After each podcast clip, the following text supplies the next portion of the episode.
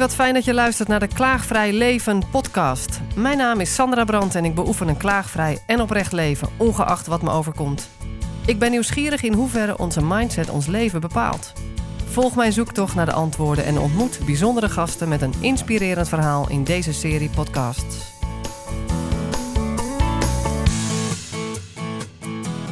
Hier zit Erwin van Beek, inmiddels 49 jaar. En we hebben al wat voorgekletst net. En uh, nou ja, waar je mij wakker voor kan maken, Sandra, is uh, altijd voor een uh, goed stukje vlees. Eigenlijk biologisch stukje vlees. Of een training, of een goed gesprek, of inhoud, maakt niet uit. als het maar iets met inhoud is. Goed, nou, ik heb je nummer, dus uh, Precies. dat wordt vannacht een slechte nacht voor jou. Ja, oh. of een goeie. Een goed, ja, goed gesprek ben ik ook voor. Stukje vlees, ja, ik, ik eet uh, bijna geen vlees Nee, meer. Ik vind het wel leuk dat je dat zo even lekker Ja. als eerste neerzet. Dus daar gaan we we het straks over hebben? zeker over hebben. Ehm, en, en ja, dit, dit doet niet helemaal recht aan zoals ik het vaak eh, pro- pro- profileer. Dus dat ik onvoorbereid dit soort gesprekken doe. Want eigenlijk ja, heb je net al verklapt. We hebben net koffie zitten drinken en, en toch al zitten kletsen. Hè? Ja, maar dat was ja. echt, echt, echt praatje hè, van alles wat. Ja. Niet voorbereidend op wat er nu gaat eh, gebeuren in ieder geval. Nee, maar we, we kozen voor eh, kwaliteit van leven. En daar hoorde eerst even goede koffie bij. Dat vond ik het eigenlijk. Hè? Precies. Ja, tof. Tof dat je er bent. Ik heb jou eh, gezien in een filmpje van Tibor Olgers. Nou, die hebben we helemaal aan het begin hier in de studio gehad. Die Ja. staat ook op mijn Klaagvrij Leven podcast op numero uno. Hij was eigenlijk degene die mij een zet gaf om een podcast van te gaan maken. Ja. Jij bent een connectie van hem. Ja. En, je- en ik zag jou in de film en daar werd je ook in geïnterviewd. Ja. En dat kwam zo vanuit je eh, onderbuik, zo vanuit je zijn. Ja. Ik dacht, die man moet ik hebben. Nou, daar zit je dan. Nou, dan heb ik iets goed gedaan. Ja. En is mijn dag ook weer goed. Hè? Nee, inderdaad, dat was ook een, eh, stukje eh, niet voorbereid. Gewoon iemand die voor mij kwam zitten terwijl ik aan het eten was. En die stelde mij wat vragen. Hoe ik de wereld op dit moment zag en hoe ik daarin sta. En wat ik wens voor de toekomst en voor anderen. En wat ik dan zo'n beetje doe, zeg maar, als individu en in mijn eh, bedrijven die ik heb. En eh, nou, dat, dat kwam daaruit. Ja. Eh, en de connectie naar Tibor is dat Tibor, die is, ik coach Tibor, hè, twee keer, drie keer in de week fysiek. Nou, wij zijn dezelfde bloedgroep. We komen uit dezelfde werkvelden. En wij doen ook heel veel samen. Dus hij heeft heel veel projecten waar ik eigenlijk de mentaal-fysieke kant voor hem invul. Eh, volgende week gaan we ook weer eh, met de nieuwe lichting. Dat zijn jonge jongens. Gaan we weer eh, naar de Ardennen. Waarin we leuke dingen gaan doen. Zo doen we ook retreats voor, voor mensen die echt een heel groot bedrijf hebben, maar hun connectie met hun eigen lijf en leven eigenlijk een beetje verloren zijn. Kijk, daar ga ik op aan. Precies, en, en die zetten we dan in een week eigenlijk een beetje recht. En, ehm, en inmiddels, als je dat allemaal samenvat, eh, is eigenlijk het Rewire-project, wat ik overigens niet noemde in dat kleine interviewtje bij, eh, op uh, Tibor zijn laatste ding.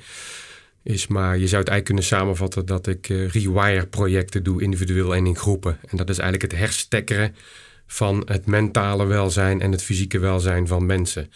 En daar heb ik een hele eh, ja, eh, eigen, directe, heldere aanpak eh, voor. En die schijnt heel goed te werken bij verschillende mensen. Je, je, ja, eigenlijk vertel je behoorlijk compact eh, eh, heel veel mooie inhoud, vind ik. Dus daar wil ik nog eventjes gefaseerd rustig aan bij stilstaan. Ik hoor je zeggen, eh, je traint Tibor. je bent zijn trainer eigenlijk twee, drie keer in de week fysiek. Ja. Ik hoor je zeggen dat je mentaal mensen ondersteunt. Ja. Weer laat zakken van hoofd naar lijf. Nou, daar ga ik op aan, want dat doe ik graag als coach ook. Ja. Ehm, Ja, ik zeg altijd uh, hoofd-lijf. De, dus, de, dus de connectie tussen het mentale welzijn en het fysieke welzijn. Ja. En waar dat begint, Mhm. dat is voor, eh, voor ieder mens misschien wel verschillend. wil je daar wat over vertellen? Ja, voor mij begint dat altijd fysiek. Vertel. Dus dus uh, wil je je beter voelen, hè, in het algemeen beter, uh, happier, uh, fitter en daarmee productiever en meer verbonden met andere mensen, dan begint dat altijd, naar mijn idee, fysiek. Hè, want we zijn, we zijn fysiek geboren. Uh, en dan gaat een baby gaat, uh, bewegen en spartelen en janken. En dat is allemaal emotie en beweging. Mhm. En uh, eigenlijk wat we, wat we doen vaak in opvoeden en het grootbrengen van kinderen is al die emotie en, die, en dat bewegen zo, zo snel mogelijk naar nul terugbrengen. Want dat is allemaal vervelend en moeilijk.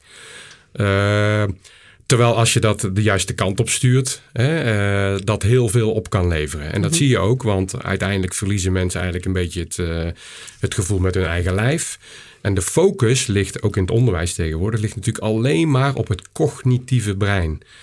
Uh, maar als je eigenlijk kijkt, en, en, dat is misschien ook wel een zijstapje nog, maar zelfs in de, in de, in de artificial intelligence wereld zijn ze er nu achter dat de, de kant waarop wij denken, dus wij denk, de mens denkt altijd, altijd maar cognitief te zijn, maar dat zijn we helemaal niet. We zijn alleen maar emotie. En we zullen altijd eerst emotioneel een keuze maken en vervolgens geven we dat een rationele benadering. In die, in die stappen werkt eigenlijk het menselijk brein. En eigenlijk, als je naar AI kijkt bijvoorbeeld, uh, deep learning, big data, algoritmes, dat is, dat is eigenlijk een beetje zeg maar cognitief gedacht. Hè? Niet echte cognitie, maar meer data, data, data, data en hoest die data maar op. Zo, hè, zo wordt het onderwijs ook een beetje ingericht. Maar nu blijkt dat we zo helemaal niet een echte AGI kunnen bouwen.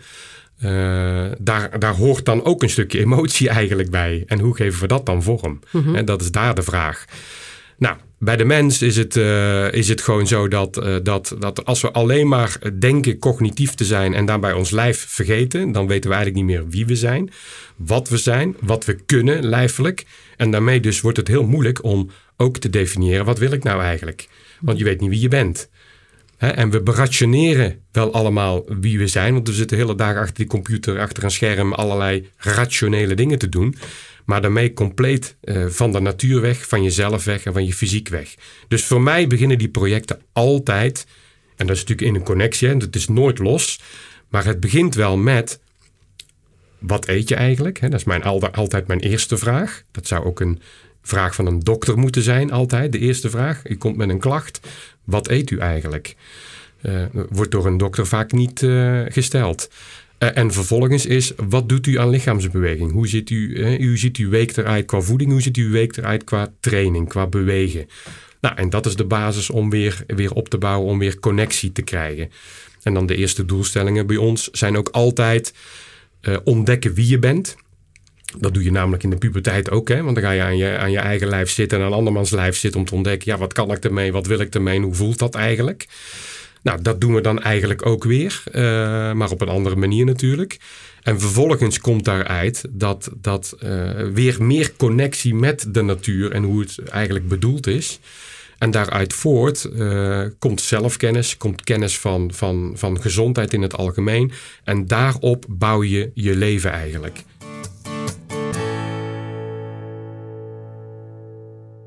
Ja, dan trek ik het even naar mijn dagelijks leven. Dat vind ik dan ook weer fijn. Even terug naar het kleine. Ja. Uh, want je hebt het over uh, baby's die starten fysiek en emotioneel. En uh, ja, over de ratio. Dat is een beetje overrated in ons leven. Ja. Um, ik ben nu in Leiden uh, een paar weken aan het oppassen op een huis. Hartstikke fijn in het centrum.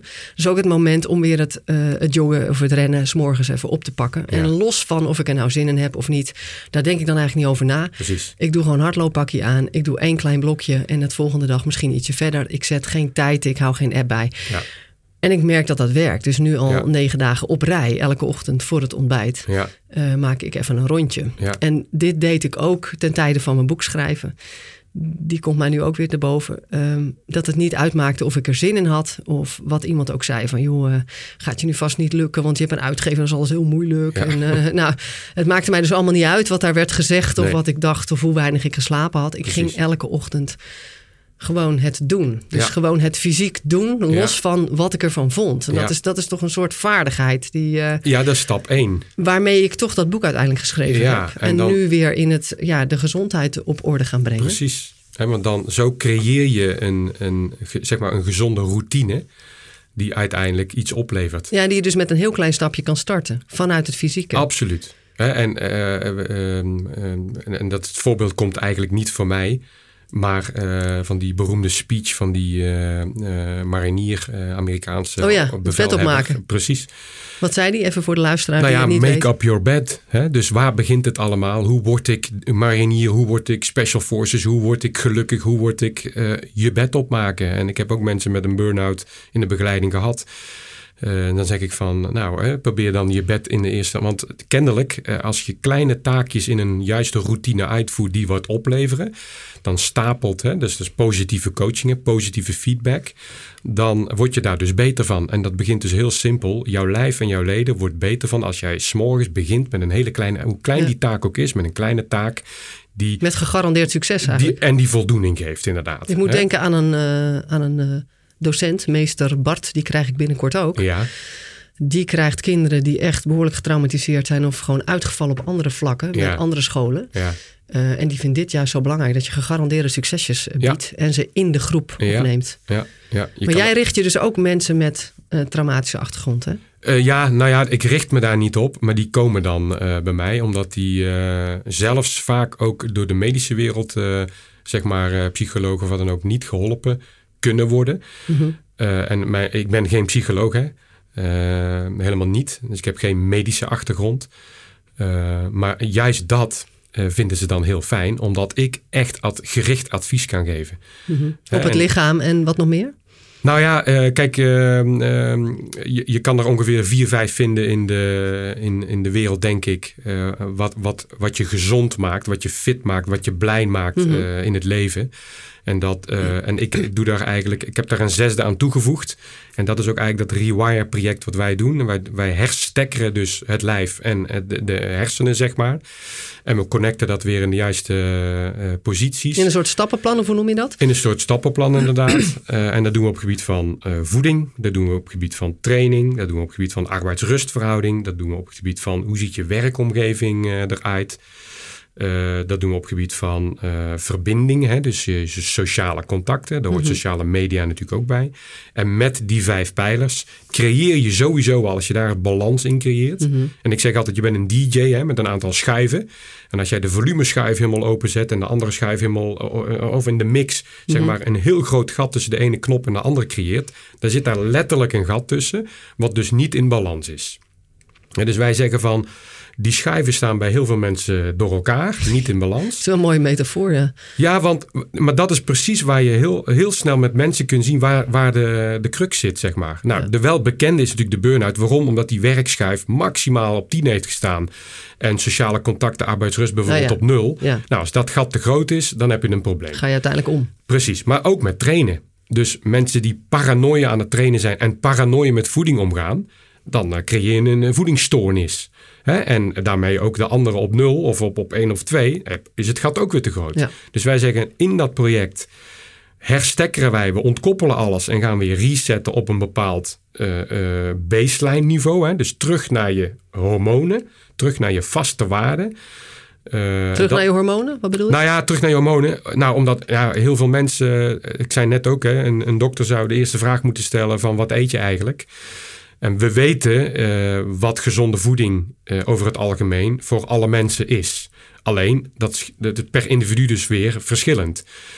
Dus de algemene wetten die gelden voor de gezonde voeding, die implementeren we in fase 1. Mm -hmm. Dus dat is terug naar die hormonen. Hè? Dus uh, de, de, meeste mensen lopen in een suikerhypnose of in een, in, in een suikerhigh eigenlijk dagelijks rond. Hè? Door alle geproceste voedingsstoffen en suikers die ze binnenkrijgen. Daarmee is je hormoonhuishouding helemaal in de war. Aha. Dus daarom zeg ik, terug naar je hormonen betekent terug naar hoe jij... Hormonale balans. Hormonale balans. En vanuit die balans... Waardoor je veerkrachtiger wordt ook. Precies. En, mm -hmm. en, en, en dan ook samen met die andere uh, ja, want hormonen die komen natuurlijk ook uh, zeer naar voren als er stressgerelateerde zaken zijn. Ja, want ja. waarvan, jij komt ook uit een behoorlijke ja. gestrest werk. Vertel daar iets over. Ja, nou ja, kijk, mijn, uh, mijn werkveld uh, is altijd het politie- en militaire werkveld geweest. Ik doe dat overigens nog steeds in de consultingsvorm. Uh, niet meer als contractor zozeer, dat heb ik wel gedaan. Maar ik ben vanuit mijn politieachtergrond bij de politieacademie terechtgekomen in Ossendrecht, waar ze mm -hmm. speciale opleidingen draaiden. Mhm. Daar ben ik bij de arrestatieteams terechtgekomen in de opleidingen. ook de antiterreureenheden. Mhm. Uh, dus alle SF-eenheden kwamen voor specifieke opleidingen dan uh, bij ons en Ja. bij mij. Ja. Toen ben ik naar Amerika vertrokken. Heb ik onder Amerikaanse vlag heb ik, uh, eigenlijk datzelfde werk gedaan. En toen ben ik naar het Midden-Oosten vertrokken. En heb ik als contractor, ook onder Amerikaanse vlag. En toen als eigen bedrijf heb ik werkzaamheden verricht in heel de, de Midden-Oosten regio. Maar betekent dat je daar in het geweld ook zat? Jazeker, jazeker. Ja. ja. Ja, en... eh, eh, En hoe gebruik je die kennis nu? Nou, precies. Hè? Dus, dus eh, vanuit die opleiding, die kennis die ik eigenlijk, eh, mijn vakgebied, eh, ik ben eigenlijk specialist op de ge- geweldsbeheersing. En hoe extremer het geweld, hoe meer specialist ik ben. En dan echt eh, kort. Hè? We zitten in een studio van een paar vierkante meter. Nou, als hier de hel losbreekt en je hebt met steek en slag en vuurwapens te maken en iemand wil mij doodmaken of een ander of whatever. Over dat soort geweld heb ik het dan. Wat gebeurt daar fysiek, wat gebeurt daar mentaal? Ehm, hoe overleven we dan? En hoe- Zijn daar lijnen in te vinden met het, met het dagelijks leven van de mensen waarvan, Ja, waar je, ja, die, jij, die jij krijgt? Nou, precies. Dus, dus dat, wat gebeurt er dus eh, onder hoge vorm van stress, fysiek en mentaal in je hersenen en in ja, je lijf? ja. Heeft dat dan een overlevingswaarde? Zo ja, hoe trainen we dat dan? En dat gebruik ik dan als blauwdruk om te zeggen van... heeft dat misschien een waarde die we kunnen leggen over de dagelijkse situaties... en de dagelijkse crisis Nou, bij en de dagelijkse... denk ik aan. PTSS. Ja. Ja, maar eh, any stress eh, eigenlijk Ja, die je ervaart. En dan pak ik die blauwdruk van oké, dat geldt dus daar. Die leg ik daar overheen. En, kijken of dat dan ook geldt voor dat scenario. En het enige wat je dan moet doen is het blauwdruk op het scenario passend maken. Mhm. Dus ik ben begonnen eigenlijk met iemand die kwam met een eetstoornis bij mij. Mhm. Ik denk, nou, ik zal eens kijken of dat schema wat eh, we hebben ontwikkeld voor PTSS in de militaire wereld ook geldt. eh, om te verklaren waar die eetstoornis vandaan komt, hoe dat emotioneel ervaren wordt en wat we eraan kunnen doen. En dat, dat werkte wonderwel.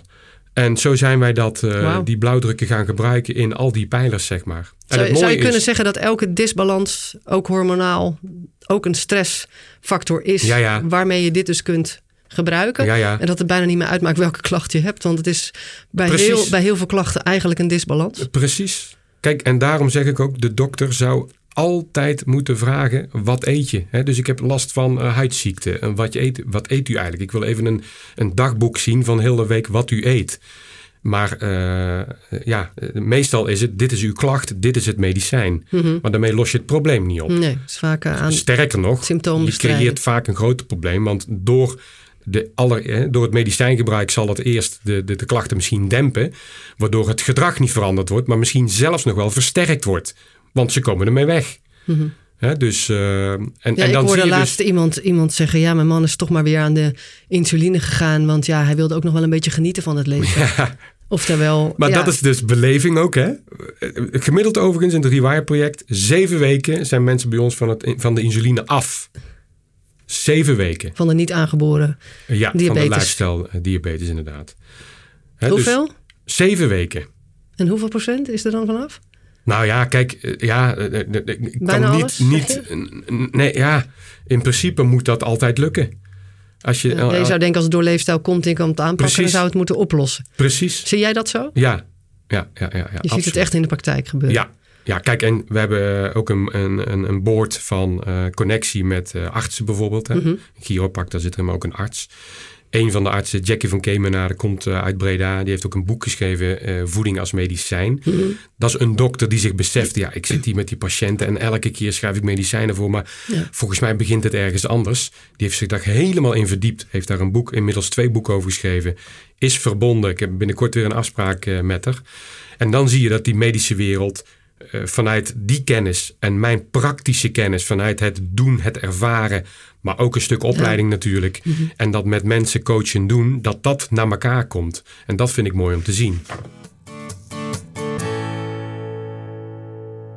En dat is natuurlijk een super beweging en heel positief. Ik word heel blij van, eh, van artsen die steeds meer richting leefstijl gaan, die ik Ja. ook eerder gesproken heb hier. Ja.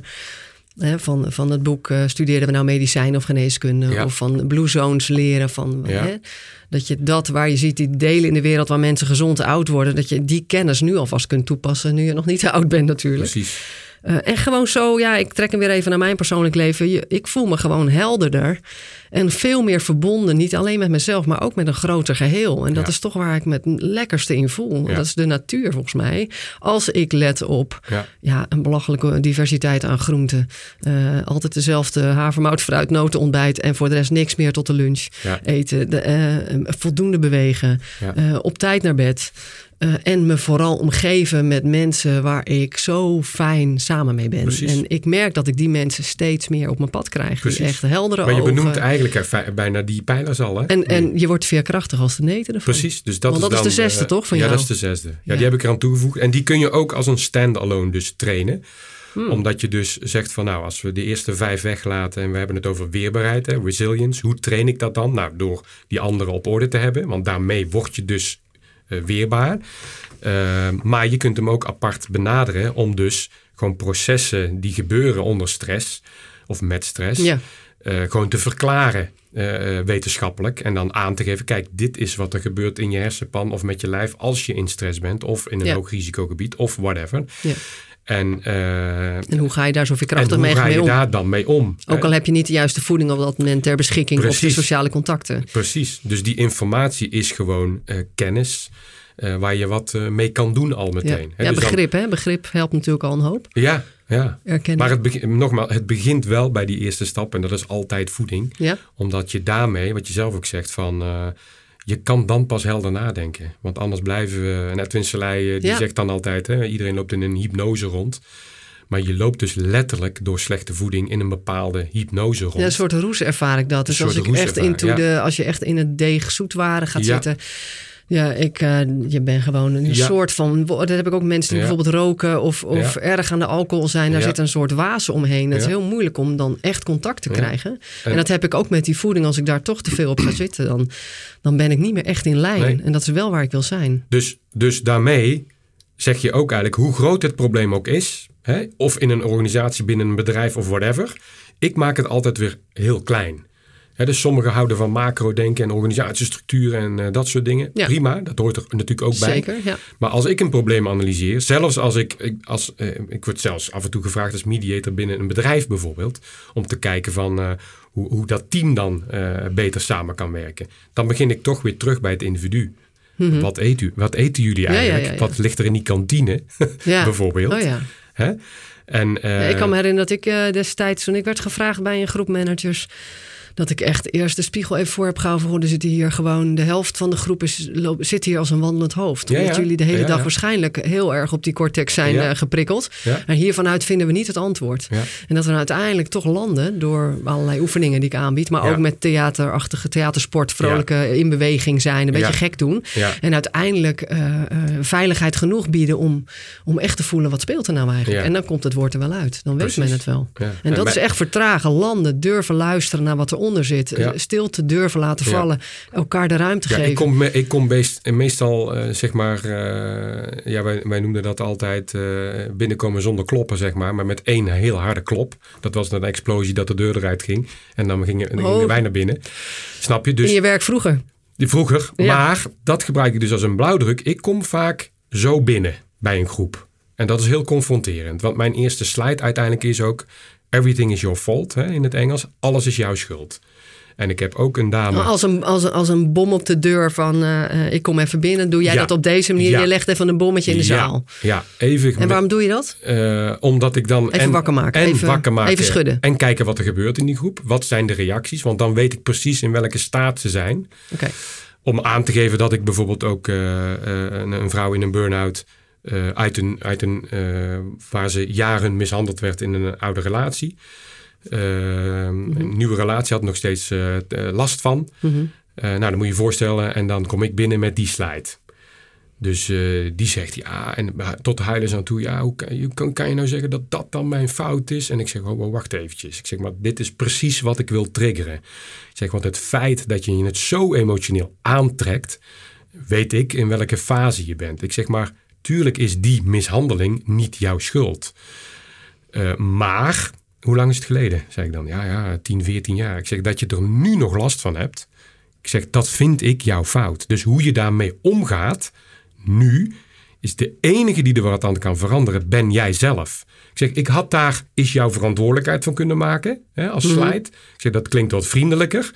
Maar ik wil, dat, ik wil dat emotioneel maken, omdat wij emotionele mensen zijn. Dus hoe trigger ik emotie?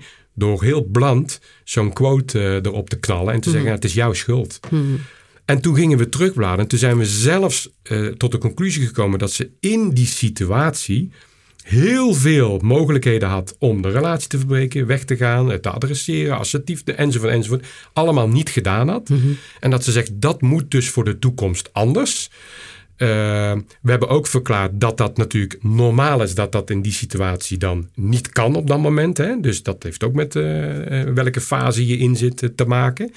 En waar, waar vanuit je komt qua jeugd en Waarvoor, wat je eigen blauwdruk weer is. Precies, precies. En dan ga je benoemen, herkennen, erkennen. En dan ga je herstekkeren voor de toekomst. Ja, ja, ja. Nou, het is mooi dat ik je laat uitpraten, omdat ik je nu al een beetje beter ken. Uh, want inderdaad triggert het bij mij in eerste instantie ook. Als je zegt dat, dat je er nu nog last van hebt, is jouw fout. Ja. Uh, ik met mijn klaagvrij probeer te alles te bekijken voorbij schuld. Van hey, hoe kan ik het klaagvrij doen? Dus uh, wat komt er voor klaag in de plaats als ik het wel serieus wil nemen? Stel, ik zit met zoiets. nou, zit ik maar mooi mee, maar daar ga ik niet mee blijven over blijven klagen. Maar daar, ik heb, ik, ja, en ik heb wel het recht zeggen... om. Ik, ik heb wel het recht op dat ik dan behandeld word. Nou, dan heb ik dat aan te pakken. Ja. Maar dan moet ik dat mezelf eerst toestaan. En voor hetzelfde geld loop ik nog tien jaar met een, een, een klein meisje in mij die maar vindt: ja, wie ben ik nou dat ik daar uh, beter uitkom? Ja, maar je trekt het jezelf dus aan. En daarmee maak je het klaagvrij, zeg maar. Dus eigenlijk zeggen we min of meer hetzelfde. Ja, ja, ja. ik heb een andere. Ja, ja, je noemt hem even anders. Dat, dat, is gewoon taalgebruik. Er komt zeker emotie dan bij, uh, wat jij doet dan. Kijk, en dan, heb, dan kun je het ergens over hebben en dan kun je verder. maar je kunt niet verder als je dat stukje wegstopt, okay. bijvoorbeeld.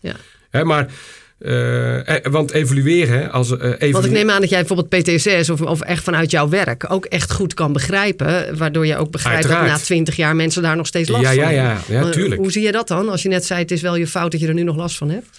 Nou ja, meestal, die komt altijd voorbij. Ja. Dus die komt wel altijd voorbij. Maar dan hebben we hebben wel een gedragsschema waaruit staat. Kijk, uh, dat PTSS is vaak, je hebt iets overleefd, maar kunt niet benoemen hoe dat dan precies gebeurd is. Hè? Mm uh, eh, PTSS heb ik dan mhm. over. Hè? Dus je mhm. bent in een gewelddadige situatie geweest. Je hebt dat overleefd. En jaren later kom je tot het besef van oeh. Weet je wel? En alles komt op je af. En waarom? Omdat je dat nooit bewust hebt meegemaakt. Het is je echt overkomen. Mhm. En dat proces, hoe dat in, in het hoofd gaat, dat gaan we verklaren, zeg maar. en dat heeft met verwachtingspatroon te maken, dat heeft met visualiseren te maken, het heeft met uh, uh, neuroassociaties te maken. En dat kun je dus ook weer ontpluggen en herstekkeren, zeg mhm, maar. Mhm. door daar een, dus al die signalen moeten eigenlijk op positief gaan staan.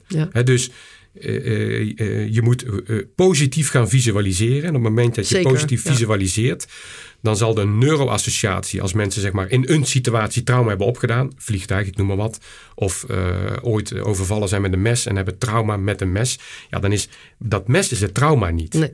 Het is de gebeurtenis en het scenario eromheen met dat mes wat nou het trauma heeft. Of die man gisteren die bij mij op bezoek kwam, die al bij de kat zien in de stress raakte, want hij had één een nare ervaring met een kat Bijvoorbeeld, ja. Ja, en, en, daar, en, hè, en, en die analyseer je dan. En dan ga je naar terug van hoe komt dat dan? En dat is dus emotie ook weer. Hè?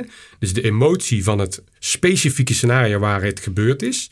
En dat ga je dan op een andere eh, manier zeg maar, positief sturen. Ja. En dat kan met alleen positieve associaties. Met positieve associaties, ja, En met een plan. Hè? Want je mhm. moet uiteindelijk een plan van aanpak hebben.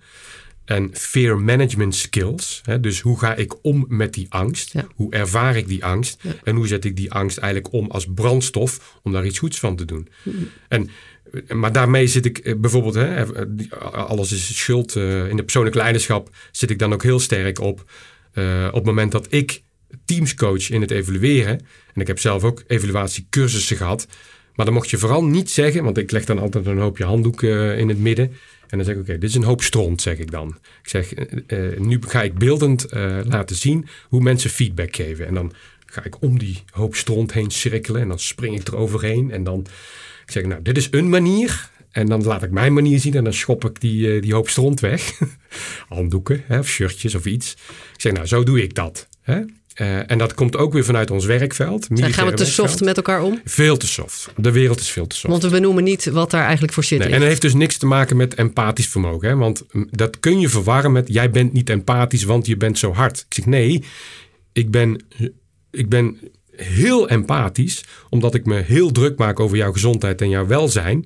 En ik dat heel direct een kant op wil sturen, omdat ik weet dat dat gewoon werkt. wat ook eh, bewezen is. Dat is niet alleen een mening, dat is echt wel wetenschappelijk bewezen. Maar je, dus, doet, dat, je doet dat vrij rechtstreeks en dat vindt men toch wel moeilijk. En, en tuurlijk heb ik ook wel geleerd in de jaren dat je de boodschap bij mensen, bij individuele mensen anders kan verpakken. Maar daar heb ik inmiddels een team voor. Dus ik kan gewoon doen wat ik doe. En mijn team daaromheen, die gaat dan met die individuen aan de slag. om dat hè, eh, eh, op een andere manier zeg maar, vorm te geven in die één op één coaching. Dus je hebt je mooi in een setting gebracht waarin jij gewoon lekker op jouw manier jouw ding kan doen. Ook heel gezond. Dus jij zit op pijler 5 ja, want zo eh, ben ik. goed op je werkplek. En je hebt ervoor gezorgd dat er een team omheen zit. Maar even terug nog op de feedback. Is dat als jij, als jij met, een, met een team op missie gaat en daar gebeurt wat. Nou, dan ging die deur dicht in een evaluatiegesprek. Nou, en dan vlogen de scheldwoorden en alles. Dan werd het heel emotioneel aangepakt. Hè? Jij bent een lul, want jij sloeg die deur over of je zet die open deur niet staan. En daarom was ik bijna dit of dat. Daarna komt de, de bezinning. Hè? Dan is het van oké, maar laten we nou eens analyseren. Dan komt de echte analysa uh, analysatiefase. En vervolgens uh, een high five en een knuffel. En, en je kan nou ja, en daarin heb jij dus en daarin heb jij ook getraind en gezien. Want dan zit je in een setting waar je niet uit kan. Dat is een, een omgeving waar je niet weg kan lopen. Je hebt met je team te maken voor de komende maanden. Uh, en je hebt daarin volgens mij geleerd dat, en, ook al is het heel rechtstreeks tegen elkaar, dat het ook de verbinding blijft. Ja, en dat kan dus alleen uh, als het een echt team is. Ja, Dus als je dat corporate gaat doen, in, -hmm. in, in administratieve of whatever, dan zul je er eerst een team van moeten maken en dan moet je dat gaan doen. Want dan is het veilig genoeg om ook rechtstreeks over Juist. de stront te hebben. Zeg maar. maar, als, je, als je het dus op, over leven en dood hebt en je, je kan elkaar redden, dan moet je ook alles kunnen zeggen. Want als ik niet alles tegen jou kan zeggen, hoe kunnen we dan in dat werkveld uh, letterlijk door het vuur gaan tot elkaar? Dat kan niet. Nee, ik moet dus denken aan de intensive care waar ik werkte. Dat was behoorlijk pittig hoe men daar met elkaar omging. Ik vond dat heel lastig. Ja. Ik kon dus niet zo rechtstreeks reageren. Nee. Anderen deden dat wel. Ja. Uh, maar dat was de... En dat is ergens ook heel uh, voor mij ziekmakend geweest dat ik het niet deed. Ja. Want daarmee heb ik heel veel geslikt. Terwijl ik dacht, maar dit kan je toch niet maken? Maar waarschijnlijk is, was dat niet een heel hecht team. Het was voor mij geen veilige plek. Nee, precies. Nee. Dus die veiligheid moet je eerst creëren. Ja, hè? Dus, en daar ben ik het 100% mee eens. Maar daar is dan een opleiding bij ons ook weer voor.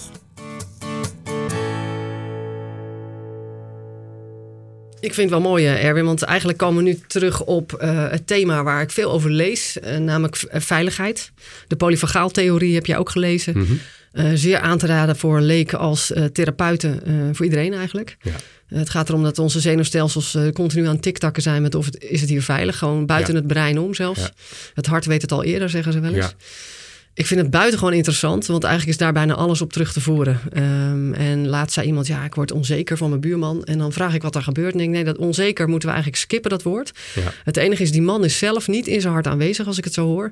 En dat geeft het signaal dat het onveilig is hier. Ja. En uh, dat doet iets met jouw systeem. Die zegt gewoon, het is hier onveilig. En ondertussen gaan we erover praten dat je zo onzeker wordt over jezelf. Kun je helemaal in gaan, gaan lekker in gaan landen ja. en, gaan, en gaan over gaan klagen met elkaar.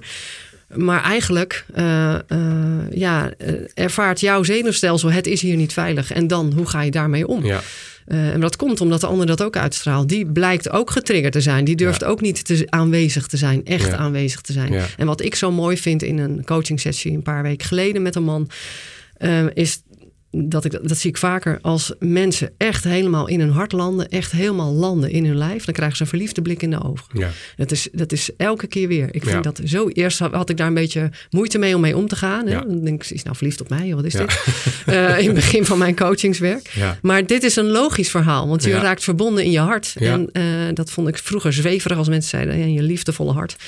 Maar dit is gewoon feitelijk wat er gebeurt. Ja. En dan is daar ook de onbezonnen jonge man die eruit springt, terwijl het al een oudere man is. Maar ja. die, uh, uh, ja, ja, ik durf te bizar, interessant. dat 90% van de mensen, 80%, nou laten we 80% doen, een beetje relateren aan de wet van Pareto, 80-20 regeling, dat 80% van de mensen niet weet wie ze eigenlijk zijn in hun eigen lijf en hoofd, zeg maar. He, dus niet het persoonlijk leiderschap hebben, is dat je echt weet wie ben ik, Mhm. wat kan ik, wat wil ik? He, mm -hmm. Dat. Dus heel veel mensen blijven zoekende en, en, en, en dat relateer ik dan weer terug naar ja, wat kan mijn lijf, wat kan mijn hoofd, hoe ver kan ik dat stretchen? Hoe, dat, dat, moet je allemaal ontdekken en vervolgens weet je wie je bent. Ik krijg zelfs, als ik zeg maar het heb over, over voeding, uh, dat zei je net ook, de, de deegwaren laat je dan uh, liefst staan, zeg maar. Ja. Maar dan rijd ik uh, terug in de auto en ik krijg in één keer in mijn hoofd, dat komt dan bij mij neer, zeg maar, spaghetti. en dan krijg ik dus gewoon een signaal van, ah, waarschijnlijk heb ik nu iets te weinig carbs gegeten. En ik krijg het plaatje spaghetti, dat vind ik uh, lekker. Dus dan ga ik dat ook eten. Maar dat komt dus vanuit je... Uh, dat heb ik ook met, met chips. Nee, ja, dat heb ik wel nee, nee, nee. Kijk, ik, ja, sommige mensen zeggen, ja, dat plaatje krijg ik ook elke dag met, met chips. Of met, of... Ja, en dat heet verslaving. ja. Maar zoals ik het ervaar. Nee, ik, ik, begrijp het verschil hoor. Snap je? Dus als je een lifestyle hebt waarin dat soort momenten soms oppoppen. En dan zeg je, oeh, heb ik helemaal niet over nagedacht, maar dat komt ineens in je ja, op. Ja, ja, dan geeft jouw lijf en je hersenen geven een signaal, misschien carb deficiency, even wat carbs erin. En dan doe ik dat dus ook. Snap je? En dat is ook met een biertje drinken. Ik ben geen drinker, helemaal niet. Ik denk als ik tien biertjes per jaar drink is het veel. Maar soms zit ik ergens en bieden ze mij een biertje aan. En dan, dan hoef ik daar niet over na te denken. Dan zeg ik ja. Weet je wel? En dan, dan krijg ik dat meteen binnen. Ja, doen. En niet omdat ik zeg, nee, nee, dat is niet goed voor je. Doe dat maar niet. Maar dat komt, mijn lijf kent mij. Ja, ja. en ik ken mijn lijf. Uh, dat je dat dus uh, als ja, je lijf... Kan, je kan uh, heel vloeiend daarin laveren. Eigenlijk. Ja, ja, en dan hoef je dus ook niet meer na te denken Nee. hoe je het doet, wat je doet, wat je eet, wanneer je eet. Wanneer je hard loopt. Dus je moet ook niet paranoia met een voedingsschema rond gaan lopen uiteindelijk. Ook niet met een waterfles, want dat is dan de volgende hype. Hè? Van ja, je moet water drinken, dus de hele dag met die bidon. Maar dat is altijd uh, uh, de reactie als... Uh, als tegenreactie bedoel Ja, dus de fastfood-industrie. We weten allemaal, also, de geprocessede fastfood... Uh, processed meat gewoon verschrikkelijk slecht voor je is. Maar de reactie is eigenlijk de vegan-industrie. Nou, ik durf te zeggen, die is net zo slecht voor de mens. Ja. Dat is 180 graden de andere kant op. Ook net zo slecht voor het milieu. Misschien nog wel slechter. Maar laten we zeggen net zo slecht. Maar ook net zo slecht voor de mens. Uh, maar denk eens aan dat biologisch free-range stukje kip of stukje vlees. Wat je ook kan eten, niet overmatig. Snap je? Dus er is altijd een middenweg. Dus in, in een crisis is een reactie altijd vaak, dan lopen we de andere kant op. Mhm. Maar de andere kant... Ja, Om zelfvoorzienend uh, te gaan leven. Of be, bijvoorbeeld, hè, nu in deze situatie inderdaad, nou, dan ga ik off the grid de waterput slaan en eigen eten verbouwen. Ja, dat is prima, maar ik vind het ook wel fijn dat we de technologieën hebben die we hebben, waarvan ik gebruik kan maken. Dus dan denk ik, nou, ik wil niet rechtsaf, ik wil niet linksaf. Ik wil gewoon in die wereld kunnen laveren op een vrije manier, Ja. zonder dat ik bij, uh, daar anderen bij schaad. En zo wil ik leven. En ook daarin is dus balans. En ik denk, als je naar die ene kant doorschiet, is er ook geen balans. Mhm. Um, en dat relateert. Nou, daarvoor moet je wel de hele tijd ook uh, uh, geconnect zijn met hoe is het met mij. Tuurlijk. En, en je agenda niet propvol en niet volgens je agenda leven, maar echt elke keer voelen. Nou, het is, het, het is, het is natuurlijk ook letterlijk bordjes hoog houden. Hè? Dus je, je balanceert de zes pijlers en je balanceert wat je nu zegt natuurlijk. Uh, maar de ene keer heeft misschien je relatie even wat meer aandacht nodig dan de rest. Dus je kan zeggen, oeh, hè, ik heb veel gewerkt of ik ben alleen maar met mijn trainen bezig geweest. Weet je wat? Morgen neem ik eens een dag vrij of ik neem het weekend vrij. Ik ga even dat sociale aspect. En dat is niet geplande quality time, maar dat is gewoon het voelen en het ervaren van Precies. het gaat in disbalans. Ja. En vervolgens ga ik dus mijn aandacht even verleggen. Ja, daar en dat is heel fijn leven. En daar heb je echt een andere stijl voor nodig dan ons is aangeleerd. Absoluut, Niet meer vanuit die agenda, maar meer vanuit het gevoel. precies. En het maffe is, als je daar echt van, vandaan komt. Ik denk veel mensen daar vandaan komen. Dat vanuit het gevoel dat dat per definitie zweverig is en, en, Ja. en no-go. ja. En daar kom ik nu toch op terug. Word 48. Eh, ja, Ja. dat is wel vanuit waar we het kunnen doen allemaal, vind ik. Ja. En, en eh, daarom eh, zie je ook op straat wie er eventueel hulp nodig heeft. Ja. Zoals laatst een, een, een jonge meid van tien die echt overstuur was. En haar vader wist ook niet zo goed meer wat hij ermee moest. Ik, ik voelde mee en ja, dat was gewoon mijn taak om daar even naartoe te gaan. Ja. En even eh, door de knieën, even, Ja. even op ooghoogte. Ja. Even het zenuwstelsel aanzetten dat het veilig was. En, en haar kunnen laten zakken. Ja, en, die- daarmee moet je wel zeg maar routines en disciplines en structuur hebben. Dus, dus kinderen hebben ook gewoon structuur nodig. Kun je zeggen van ja, mijn vrije opvoeding en laat ze maar laissez-faire, weet je wel. Ja, daar geloof ik helemaal niet in. Ik geloof in een liefdevolle richting in een structuur waarin ze vrije keuzes Mhm, hebben. mhm. Dus ik, nou, ik doe dit zo. Eh, je, je, je stuurt, je, je leidt ze op richting een kant. En op het moment dat ze zeggen, ja, maar dat doe ik dan zo. Dan zeg ik, dat is dan jouw manier en dat is prima. Mhm.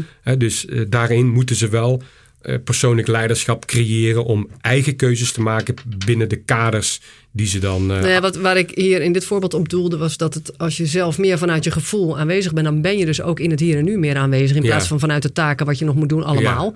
Want anders had ik die meid niet gezien, of ik had het alleen even zijdelings gezien. En ik vind wel dat we er meer voor elkaar mogen zijn. Ook gewoon op het straatlevel, zeg maar, onderweg naar de winkel.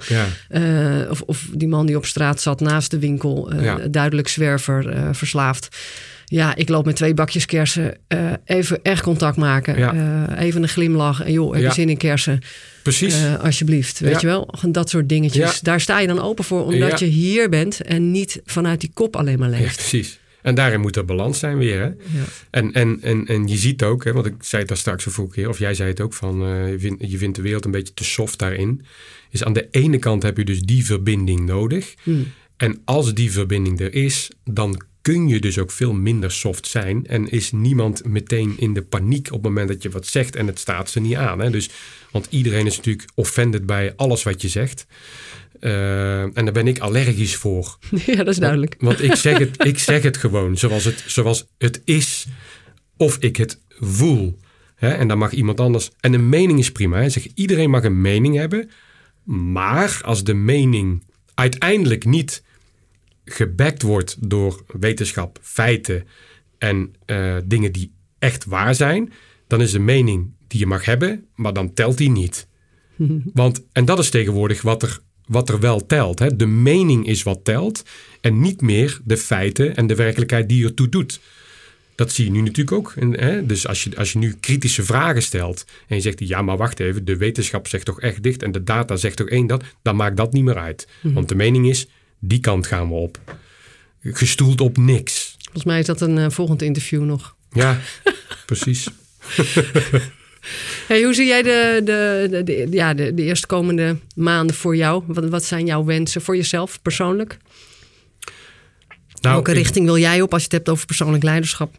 Practice what you ehm, preach, neem ik aan. Ja, maar de, ja, ik, ik, weet niet hoe dat komt. Ik denk ook een stukje vanuit mijn eh, opvoeding. Uh, dat heb ik eigenlijk altijd uh, gedaan. Hè. Dus gisteravond sloot ik in Amsterdam gewoon af. En dan loop ik gewoon achter de schopmachine de zaal te poetsen. Oh ja. En dan sta ik de dumbbells recht te trekken en dan met de stofzuiger rondgaan. Dus Ehm, in, in, je zaak, want je hebt. In mijn eh, zaak. Je bent eigenaar van CrossFit 20. Ja, CrossFit 020 ook. Dat is het fysieke trainingscentrum waar het een en ander gebeurt. En daaromheen doe ik dan zeg maar consulting en militaire politie consulting en uh, doe ik dit soort dingen. Ja, ja, ja. En reis ik allerlei kanten op. Ja. Maar dat doe dus je dus maakt net zo goed daar schoon. Absoluut. Ja. ja. Dus practice what you preach is. Ik hou altijd de. En anderen zullen zeggen, ja, maar dat moet jij niet meer doen, want je bent al veel verder. Ik zeg nee, maar het aagt mij dus om het juist wel te blijven doen. Mooi. En om ook mijn team te laten zien van ja, maar ik voel me dus ook nergens te goed voor. Mhm. En ik doe het dus niet alleen maar omdat ik wil uitstralen dat ik me nergens te goed voor voel, maar zo voel ik dat ook echt. ik vind dat ik die zaak ook schoon moet houden. En ik vind ook dat ik daar die verantwoordelijkheid naar het team heb. Dat ik al die taken gewoon kan blijven uitvoeren. En dan kun je het hebben over business succes. Ja, maar als je die tijd niet meer daar besteedt, zou je veel meer kunnen groeien. Zwaar. Dat zij dan zo, maar ik voel me daar beter bij, omdat je die verbinding dan. Ja, je hebt het over verbinden, aarde, voelen, voeding. Uiteindelijk wel maar elke stukje mind begrijpen. Ja. Weten waar het vandaan komt. Ja, dus wat, wat, wat ik zelf wil is... Uh, ik heb niet zozeer veel te wensen eigenlijk nu. Hè? Maar uh, zoals, ik, uh, zoals ik nu mijn dingen kan doen... ja, wil ik ze blijven doen. En, en ik wil natuurlijk mijn netwerk vergroten... en de bereikbaarheid vergroten. Omdat ik... En zo voel ik het wel. Hè? Dat, is, dat is wel een, een visie die ik, die ik heb is dat ik, ik heb ook wel eens gezegd van nou, had mij een deel van het budget gegeven, als ondernemer roep ik dan maar even, van wat ze nu over de, over de balk smijten aan het een en ander. En dan zeg ik, nou dan los ik in twaalf weken, hè, want zo lang duurt het drie jaar project, los ik dat gezondheidsprobleem wel op, samen met een paar goede artsen eromheen. Uh, en, en, dat is natuurlijk wel een beetje de wens. Hè? De wens is om impact te maken voor een grote groep mensen, waardoor uh, sterkere mensen ontstaan. En vanuit een sterk individu ontstaat er gewoon een sterke community. En vanuit een sterke community ontstaat dus een sterke organisatiestructuur.